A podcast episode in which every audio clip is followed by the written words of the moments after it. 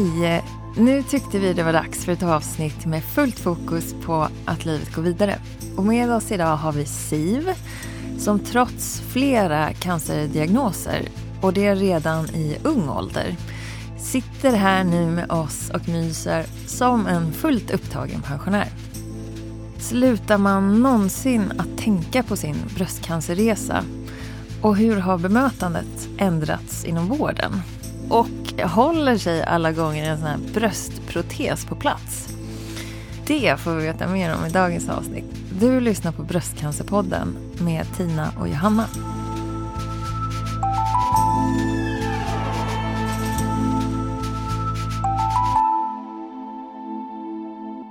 Dagens gäst i Bröstcancerpodden, namn?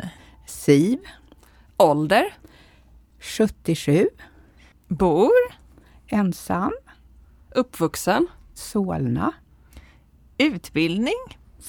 Jag har gått eh, gymnasiet och jag har gått på folkhögskola och vidareutbildat mig inom vården och eh, blivit arbetsterapibiträde och eh, heminstruktör för synskadade och hörselskadade. Mm. Jobbar lite på sjukhus också. Yrke, sysselsättning. Slutade då som arbetsterapibiträde respektive heminstruktör. Mm. Och idag så är du... En glad pensionär. Ja, det är lite ledande. Hobby? Hobby, sjunga, träna, umgås med vänner och med släkten. Gud vad härligt det låter. Mm. Det låter Ja, som att du har fullt upp. ja, det är fullt i almanackan, tro Ja. eller ej. Ja. Om eh, du skulle beskriva hur en helt vanlig dag ser ut, en vardag då säger vi, alltså det kan ju inte vara helg varje dag. Nej, fast som pensionär så är det ju nästan som helg varje dag. Ja, men en vanlig dag ska vi ta imorgon. Ja. Då är det fredag och då är det kören klockan 11 till 1. Och sedan efter det så eh, brukar vi fika och umgås en stund. Ibland går vi ut och äter lunch på någon restaurang. Och sen har jag en eh, väninna, så brukar vi träffas. Vi går halvvägs till eh, Stallmästargården. Så möts vi där och sen är vi ute och promenerar i Hagaparken. Går upp till koppartältet och fikar. Ja, och sen är det dags att gå hem och då har det blivit sådär en 15 000 steg. Och det är fredagkväll, då är det rätt så skönt att äta lite och sätta sig framför TVn. Ja, Mm. precis. Låter som en underbar dag. ja, Ja, ser fram emot att bli pensionär. Ja, exakt. Och sen så är vi ju med i Bröstcancerpodden nu. Ja, vi tänkte vi kunde gå tillbaka lite. För du har ju också haft bröstcancer. ja, Men det var ju inte nyligen. Nej. Det var ju ett tag sedan. ja. Min cancerresa började när jag var 27 år. Då var Ja. det cellförändringar i underlivet. Aha. Så där blev det två operationer och det var ingen rolig upplevelse. Men då hade du fått barn redan Ja, innan? jag hade två barn Mm. och hamnade då på en sal med, som jag minns, sex stycken grågröna människor. Mm. Ja, det var på Radiumhemmet i Solna och det var väldigt opsykologiskt. Då. Men sen så efter de där operationerna så var det lugnt ända tills 1997. Då hittade jag en knöl i mitt högerbröst och den opererades bort. Och året därpå en ny knöl som också opererades bort I År- samma bröst då? i eller? samma bröst. Och sen året efter så hittade jag en ny knöl. Och då skulle den tas innan julen 99. Men då åkte jag på en infektion så att det blev januari innan den togs bort. Och då eh, ställde jag upp som en provpatient. De sprutade in isotop i armhålan Mm. för att man skulle kunna hitta var den här eh, port Ja, portvakten. portvakten, portvaktskörteln låg. Mm. Mm. Och eh, sen då så blev det operationen.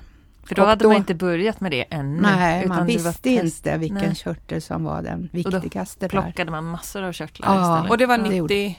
Det, var, det hann bli precis januari 20. Ja. Ja. Och det är inte så länge sedan ju. Nej. Ändå. Mm. Det ju utvecklats otroligt mycket Mm. sedan dess ändå. Efter dess, ja tack och lov, så Ja. det är jättebra. Tyvärr så fick ju jag lymfödem i högerarmen efter den Ah. där operationen. Då. Mm. Men då fick de ta hela bröstet för då var jag less på det här. Ja. Ja. Så det var, det var tredje gången och det var i samma bröst Ja, det kom tillbaka? ja. Men har, du inte, har du fått cellgift och strålning också? Inte cellgift och inte strålning. Jag åt eh, antiöstrogenmedicin i Mm. fem år Mm. och det räckte. Mm. Ja, Det är skönt. det var jätteskönt. Ja, Skönt också att bli av med det. Man känner att man får tillbaka så många gånger att ja, men ta bort ja, så man kan släppa det liksom. ja. Någorlunda. någorlunda. Ja, jag har ju hittat nya knölar så nu har jag varit eh, på två undersökningar. Men då har det varit fettknölar Mm. Ja. Mm. Och det gör ju ingenting. Nej, nej. Men eh, det är ändå obehagligt att hitta den där knölen.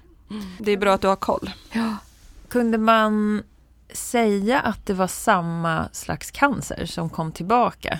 nej, Ja, nej. nej. För det låter ju som att de kanske inte fick ut allt och sen så fungerade det inte riktigt efter behandlingen där. Ja. Mm, Mm. mm. Men fick du antihormonella tabletter även från första gången? Eller var det bara sista gången? Nej, från första gången. Från första gången? Ja, Ja. Så jag åt det i fem år. Mm. När jag har varit hos vården så har ju de ändå varit hela tiden så här att ja men eh, det är tråkigt men, men det går att göra jättemycket och vi kommer att operera och så kommer vi få behandling och sådär. Och de har varit väldigt positivt inställda. Var det så då också? Inte alls. Nej. Utan det var bara ett besked då på Radiumhemmet att ja, det var, det var bröstcancer igen så nu får vi göra en ny operation då. Mm. Mm. Så det är bara in, precis som att det inte är något speciellt. Alltså du bara, ja. Ja. nu har du fått cancer, nu ska vi ta bort det. Ja. Så, och så, oj, nu fick du det igen, så tar vi bort det igen. Ja, det var Bara inte liksom- det här omhändertagandet, Nej. det här psykologiska som är så viktigt. Precis. Hur gick det till när du, ja, men du kände din knöl och så, ri- ringde du till, eh, till sjukhuset direkt? Vad hände sen? Tog de en biopsi eller? Mm. Det stämmer det du säger. Mm. Jag ringde och talade om, fast till vårdcentralen. Mm. och fick en tid där. Sen måste de undersöka och kände ju också knölen.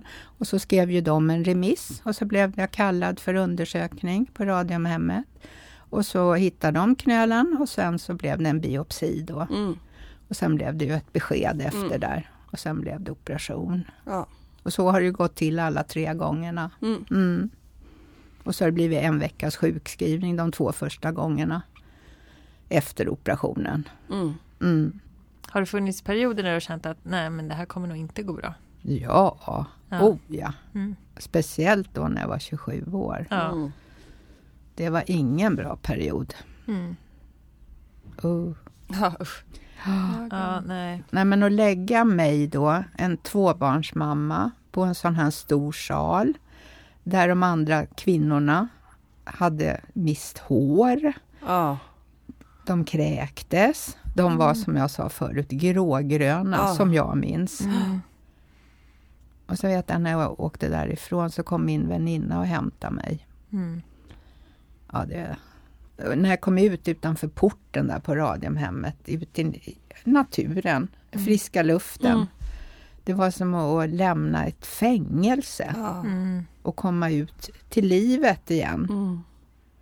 Ja, det var en härlig känsla. Och man får ju Ja. tankarna, så här, kommer det där hända mig också? Ja. Och så. Ja. Och ingen att prata med heller. Nej, det är bara in, operera, ligg Ja. där, bli frisk eller Mm. friskna till. Ja, det var ju bara en, en del i livmodertappen som de tog bort. Det var ju ingen lång sjukhusvistelse Nej. för mig heller. Va? Så det var ju bara hem sen. Ja, nej, det var opsykologiskt. Mm. Mm. Det är tur att det har blivit förändringar. Ja, Mm. det är viktigt att se livet. Ja, ta vara på varje ny dag och lev och ha målsättningar framåt. Mm. Vad man vill göra. Försöka tänka positivt, att det ska gå bra. Mm. Lägga det andra bakom sig. Mm.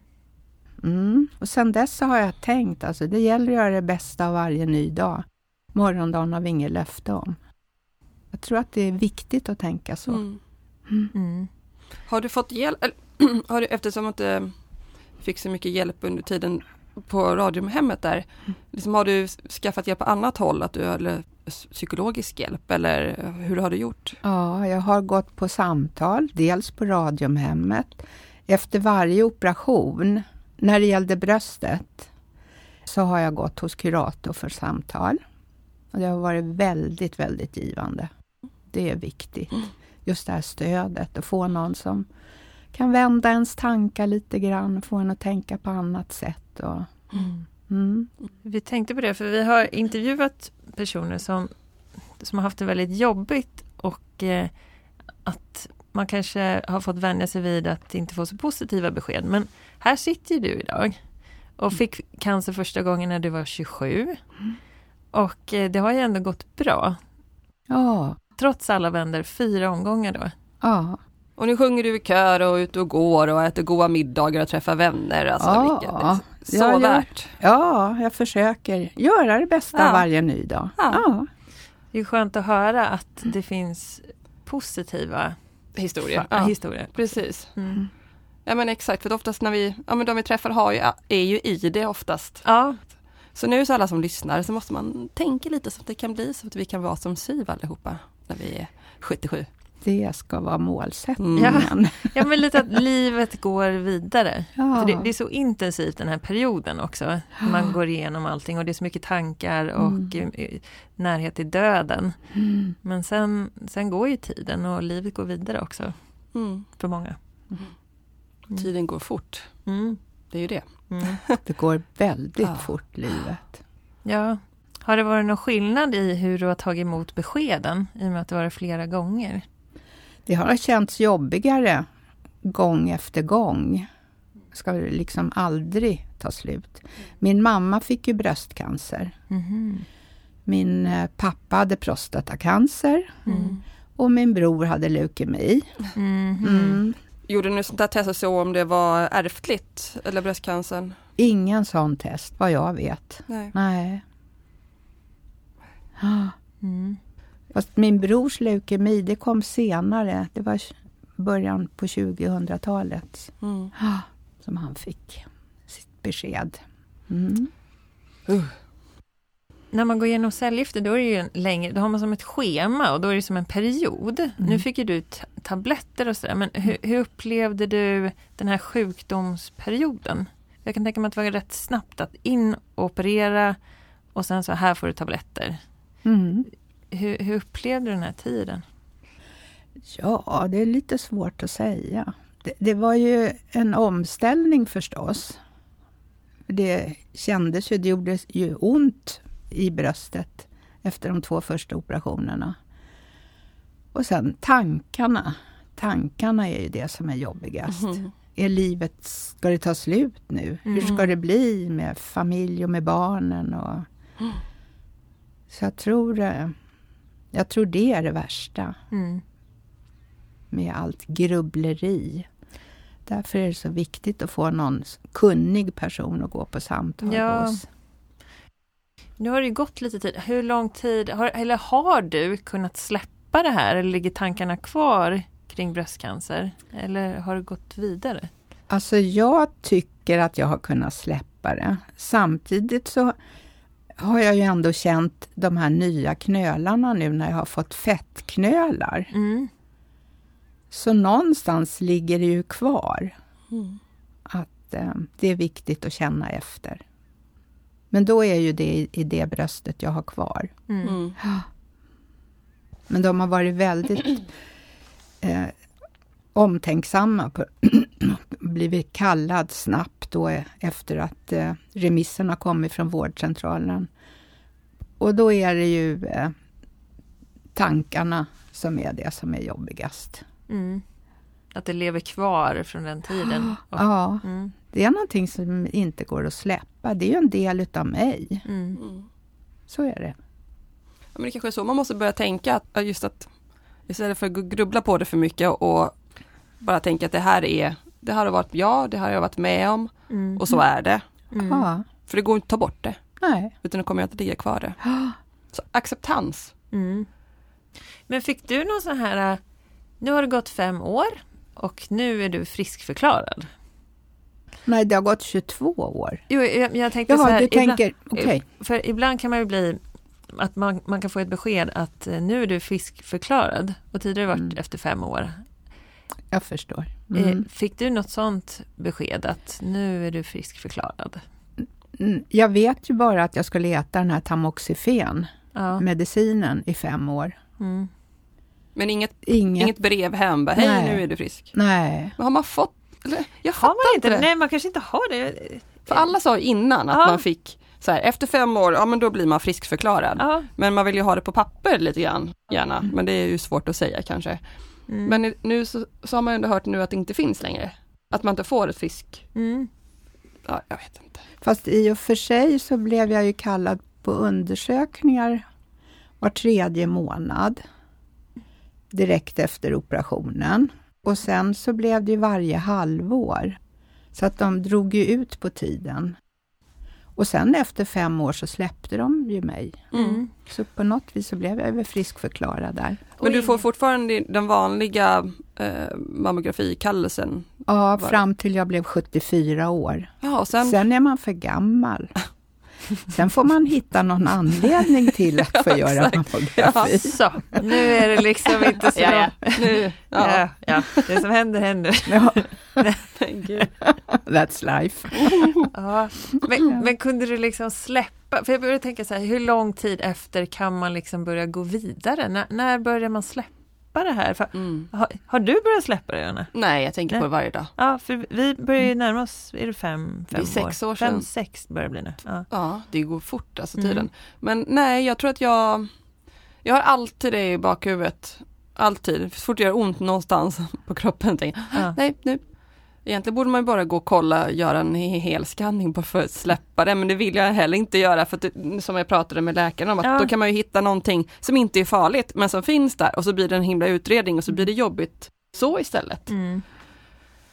Ja, ja, ja, nej jag vet inte, jag längtar lite till att inte tänka på det. Det är svårt också när vi har podden, dock. Mm, ja. Ja. Ja. kommer vi alltid vara med. Ja, upp, ja.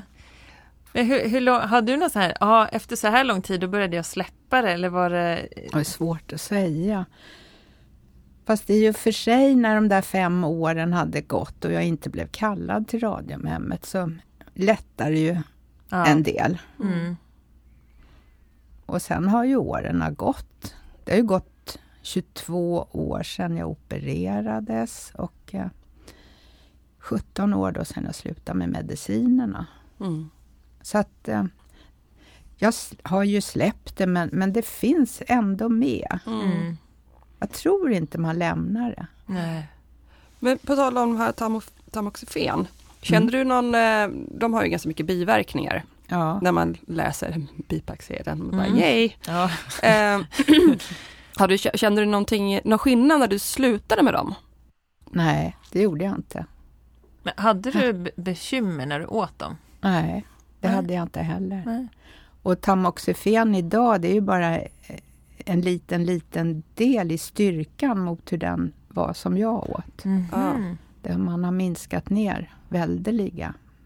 Eh, Mm. Men eh, jag får bara fråga, det här kanske behöver du inte svara på. Men när du käkade tamoxifenen, hade du hamnat i klimakteriet då? Alltså jag, jag har ju opererat bort livmodern, Ja, just, ja. Så att eh, det kan inte jag svara på. Nej, Eh, för jag tänkte för de stänger ju av allting så att man hamnar ju i Mm. något preklimakterie liksom. Mm. Det är ju en jättestor skillnad från det man är van vid. Jag tänkte om du Mm. kanske redan var van vid det så att det inte blev så mycket biverkningar. Mm. Men skönt annars om det inte var några biverkningar. Även om de är så starka tabletterna. Ja. Mm. Och tamoxifen det brukar man ju ge innan man hamnar i klimakteriet också. Men det kanske har varit att det var en, en av de tidigare och sen har det kommit fler kanske också. Mm. Nu börjar snilla nu, nu sitter vi och gissar Ja, lite här. exakt, det, det här vi det är sånt här vi ska fråga läkare om. Ja. Ja. Ja. Jaha, så inga biverkningar eh, och vi, har ju också slutat i period liksom. Och Mm. då, för min del var det jättestor skillnad för jag märkte att humöret, det var nästan som att man var nedtryckt. Hormonerna gör väldigt mycket Mm. För humöret och hur man mår. Och helt plötsligt börjar jag bli tina igen, börjar bli så sprallig Precis. och glad på ett annat sätt.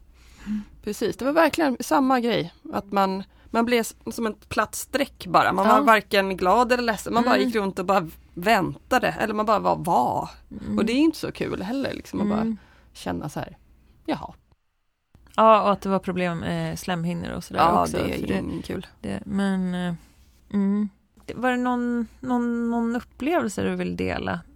Någonting när du tänker tillbaka på cancern?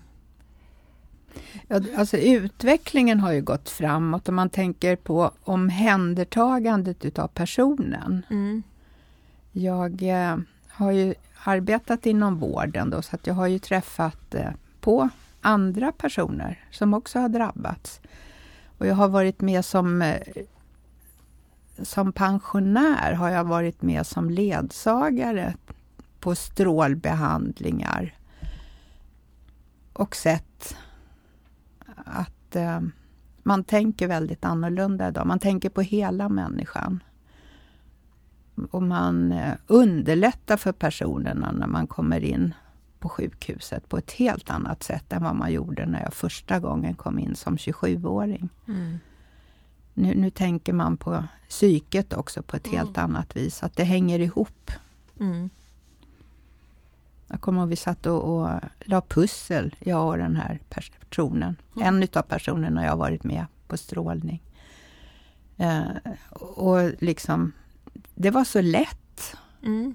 Hon, hon tänkte inte på något annat än pusslet. Nej. Mm. Nej, vi hade riktigt roligt. Hon längtade till nästa gång vi skulle Mm. åka. Ja. Ja, Men jag tror det är jättebra. Jag hörde faktiskt ett program över det igår morse kanske någonting och pratade just om psykisk ohälsa eller om hur man ska släppa tankar och sånt. Mm. Och pussel var en av de sakerna för att man bara Är, är så och koncentrerad och Mm. när man gör någonting så det finns ju inte då liksom. mm. Mer pussel. Ja, Ja. så är det, det lösningen på allt. Tusen bitar Ja. minst. Måste man sprita alla bitarna nu för tiden också? Ja men gud vad jobbigt. så sväller de utav Ja. Exakt, kan man trycka ihop dem sen ändå. Ja, ja. Jag köpte faktiskt två nya pussel Ja. för inte så länge sedan. Mm. Jag har inte gjort dem än bara. Mm. Borde bara man, måste, man, måste börja, man måste få lite feeling, för man måste liksom Mm. känna att nu, nu ska jag lägga pussel. Ja. Mm. Måste ha lite yta också. Ja, vi har faktiskt en sån här trä, eller typ någon kaparplatta liksom, som vi har Ja. under soffan. Så Mm. kan man lägga allting på där, så kan man ta fram den bra. när man håller på. Du, du hade hund. Hur Jajamensan. går det då med pusselbitar? Eh, ja, ja, ja, hon, har- ja, hon har faktiskt inte käkat upp en enda, vad jag vet i alla fall. Nej. Vi har inte kommit så långt, det kanske fattas en och annan. Och jag har inte hittat någonting i bajset heller. Nej, nej. Just det. Kommer, ja, det är den här biten. Jag Ja. Ja. Ja, du får vi slänga pusslet kanske, Ja. eller låta den biten Ja. fattas. Mm. Ja, man vet Ja. aldrig med hundar. Nej. Nej. Jag, jag tänkte på det här med, med bröstet också. För först tog du bort en liten bit och Ja. sen en gång till en liten bit och sen var det hela bröstet. Blev du erbjuden rekonstruktion, alltså nå silikon eller något sånt? Det erbjöds jag och jag tackade ja till Mm. det. Och var på en förberedande undersökning. Men sen började jag fundera. Vill jag ha någonting inopererat i min kropp som egentligen inte hör dit? Bara för utseendets skull? Mm.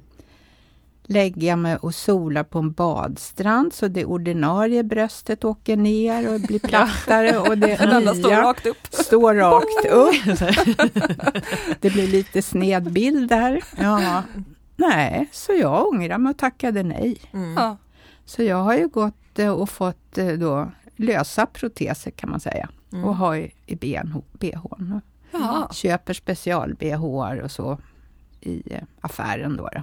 Hur ser proteserna ut? Är det som en liten, som ett litet bröst helt Det enkelt? är som ett bröst. Ja, Är det silikon eller är det liksom det är mjukt? silikon. Så det är, ja, oj.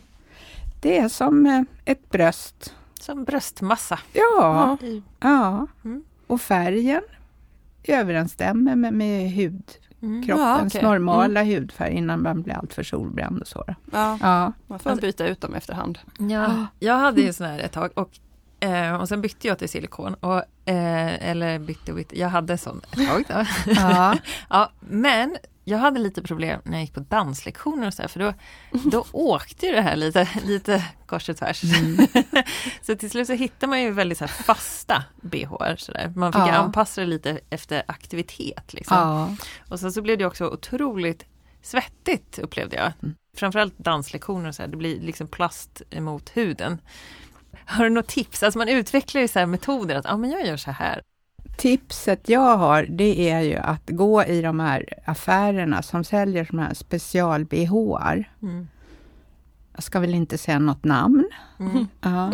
Eller ja, det spelar ingen roll. Heter mm. den affären där okay. jag har handlat mycket i och alltid varit nöjd. Och det är ju mm. specialfickor mm. i bhn där man stoppar in protesen. Ja. Men det du berättar om, det har jag också en erfarenhet av. ja. Jag var ute och dansade väldigt mycket. Mm. Och... Eh, Förlåt, ja. och så var det liksom en, en bugg. Under en bugg så kände jag hur den här, för då hade jag en vanlig bh och så hade mm. jag lagt den här lösa protesen i den bhn. Mm. Och så kände jag hur den började glida. så jag, fick ju avbryta den här dansen mitt i liksom, så det var lite synd om den här oh. mannen då. då. Han undrade alltså, säkert, är det no varför, är det något fel? Ja, omgivningen undrade säkert, men vi har kontakt fortfarande. Han ringde i förrgår och berättade mm. lite hur han mådde och så. Ja, så, ja det, det är förlåtet. ja, ja. Ja. Men det är sånt att tänka på. Jag går på vattengymnastik två gånger i veckan mm. med Reumatikerförbundet och eh, då är det ju specialbaddräkt mm. som man kan ha de här proteserna i.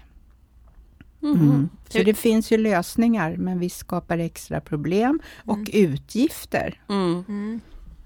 Det ja, just det. Man tänker, man får ju inte någon eh, subvention liksom, Special, eller någon... För special-bh. För Nej. Proteserna får du väl via vården? Eller? Ja, protesen ja. kostnadsfri. Mm. Och den hämtar jag också då på Amoena. Mm. Men själva bhn mm. och baddräkten, mm. det är ju Baddräkten vet jag, den sista jag köpte, den kostar ju bra mycket över tusen kronor. Ja, ja. det är special. Ja. Mm. Så att De det kostar. Ju. Behöver man byta ut sin protein? Alltså håller den ett visst antal år? Den minskar i storlek. Jaha. Ja. Precis som det andra bröstet egentligen då, för det ja. blir ju mer och mer ja. hängigt. Ja. ja, det blir mer hängigt. ja, nej men så jag har gått och lämnat in de här, lämnat tillbaka dem, liksom. Så kan de andra kvinnor få, mm. eller andra länders kvinnor. Mm. Ja. Mm. Ja, för man får väl nya med jämna mellanrum? Ja, mm. Mm, det får man. Jag tänkte på den här, den här badsituationen. Hur, hur, känns, för det kan ju kännas lite speciellt när man duschar och så här och, och visa, för då har du ju inget bröst på ena sidan. Mm. Känns det okej okay, liksom i sådana sammanhang? Jag är så van vid det nu, så för mig spelar det ingen roll. Utan jag går som, som jag gjorde förut med två bröst. Mm. Men det är nu. Det var ju inte så från början. Då var det knepigt.